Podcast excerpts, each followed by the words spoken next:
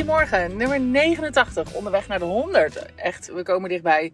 Ik heb trouwens wel wat input nodig over de aflevering van nummer 100. Dus ik wil heel graag uh, van je horen wat je wil horen. Um, of waar, waar je wil dat ik het over heb. Of dat je een vraag hebt of uh, een onderwerp um, waarvan je denkt, ja, dat is leuk, dat, uh, dat moeten we doen. Dus dan hoor ik het graag.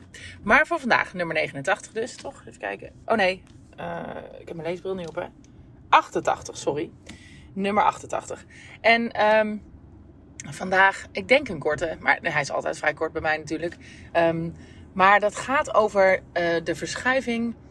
Um, als je in het mooie woord entrepreneurschap, dus het ja, ondernemerschap meer dan alleen jijzelf, zeg maar. Hè? Dus ik bedoel dan, uh, daarom gebruik ik dat. Ik vind Amerikaanse woorden soms zoveel beter dan Nederlandse woorden. Maar in het um, in het Amerikaans is het overduidelijk dat je met een entrepreneur, zeg maar, uh, een wat groter um, uh, bedrijf bedoelt. Uh, meer dan alleen maar een eenpitter. Waar overigens niks van beter of slechter aan is. Um, maar mijn podcast van vandaag is dat wel even belangrijk. Want ik ga het hebben over dat je in die rol van ondernemer, van leider, van leiderschap, succesvol bent of gaat zijn op het moment dat je niet gaat voor jouw win. Uh, want als alleen jij wint, uh, dan win je uh, niet. Is mijn, is mijn kijk erop. Hè? Um, en ik ben net geïnspireerd door een hele leuke podcast van iemand anders. de School of Greatness werd geïnterviewd door Mel Robbins. Nou, heel leuk. Um, maar die geef ik aan, en daar kan ik me helemaal in vinden, dat je pas echt wint als iedereen wint. En um, dat is denk ik als je het hebt over, mensen vragen wel eens, want ik win natuurlijk uh, prijzen of erkenningen rondom dat uh, uh, duurzaam en sociaal werkgeverschap. Um, maar eigenlijk, als je dat moet samenvatten van wat is nou het verschil, waar gaat het dan over, dan gaat het hier over. Want het gaat dus niet om dat alleen jij wint, maar omdat iedereen om je heen wint. En dan win je pas echt. En zo voelt dat ook echt.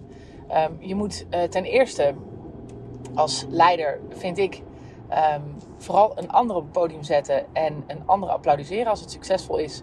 Als er iets succesvol uh, um, in je bedrijf is of een mooi resultaat wordt behaald, dan moet je de, um, de mensen die aan het werk zijn daarmee uh, bejubelen en beapplaudisseren en de verantwoordelijkheid geven voor dat succes. En als het niet goed gaat, of als het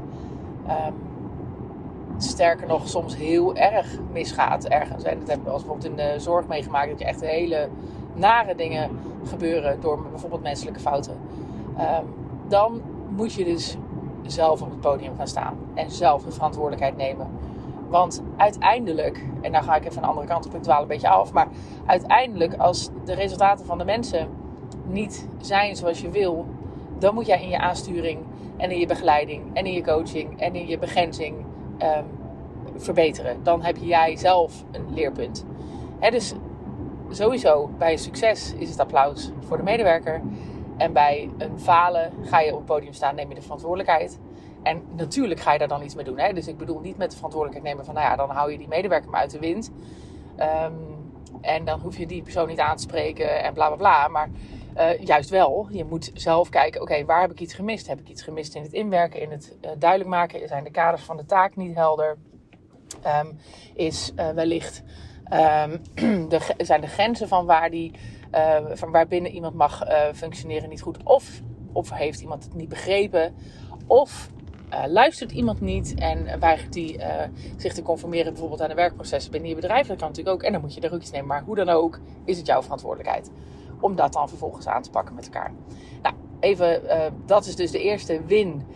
Die win van jou kan je voelen door de win van de ander. Hè? Dus door de ander in de spotlight te zetten en de anderen in de spotlight te zetten. Heb jij, ik in ieder geval, echt een gevoel van trots en, en winnen. Maar dat is niet omdat ik dan in de spotlight staat. Of dat mensen zeggen, oh wat doe je dat zo goed. Maar dat is omdat we dat dan met elkaar doen. En sowieso, kijk, in, in sport en um, uh, dat soort dingen. En in wedstrijden van het een of het ander. Dan gaat het natuurlijk om het resultaat van jouw win. Hè, dat jij gewonnen hebt. Um, maar als het gaat over leiderschap en als het gaat over ondernemerschap. dan is het zo mooi en zo gaaf en zoveel meer vervullend als je zoekt naar de win-win voor iedereen. Als je dus ook ehm, eh, zelfs bij concurrenten zoekt naar ehm, wat, ja, wat, wat kunnen we doen zodat we daar allebei beter van worden. Hoe kunnen we, um, hè, zoals in Berg gaan we natuurlijk de komende jaren het hotel en restaurant uh, opbouwen.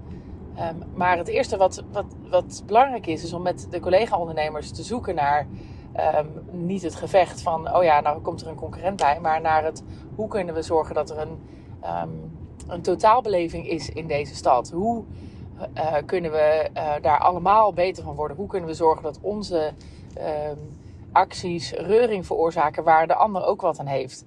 Hè, dus dat gaat, dan gaat het over concurrenten, maar het gaat natuurlijk ook over het uh, milieu of over de economische groei. Hè? Zo, hoe kan je zorgen dat, je, dat jouw win niet ten koste gaat eh, van iemand anders? Dus dat jouw win een verlies wordt voor de ander.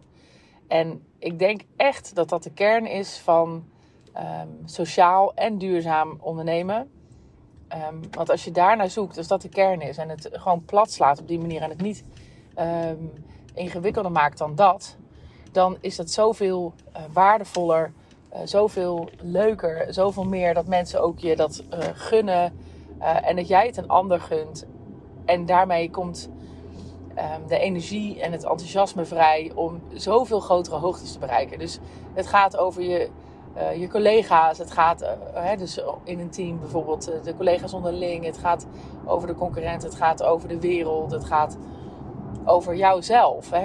Win, ga je winnen ten koste van een ander, dat is een minder vervullende win dan als je zoekt naar ik ga pas winnen. Ik, ik voel me pas in de winning mode als ik ook zorg dat ik impact heb op een ander, waardoor hij ook een win heeft.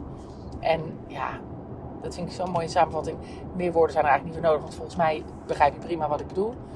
En um, maakt dit juist, slaat dit juist soms de dure woorden een beetje plat. Um, en is dat juist heel erg fijn. En dus is jouw win jouw win of een gezamenlijke win. En dan is die echt. Dan is die mooi en dan is die sociaal en duurzaam. Vaak. Dus nou, dat. Ik wens je een mooie dag. Een um, mooi weekend als die voor de boeg staat. Mooie avond als je die voor de boeg hebt. Uh, en uh, ik hoop je de volgende keer te horen. En laat even weten welk onderwerp leuk is voor uh, aflevering 100. Oké, okay,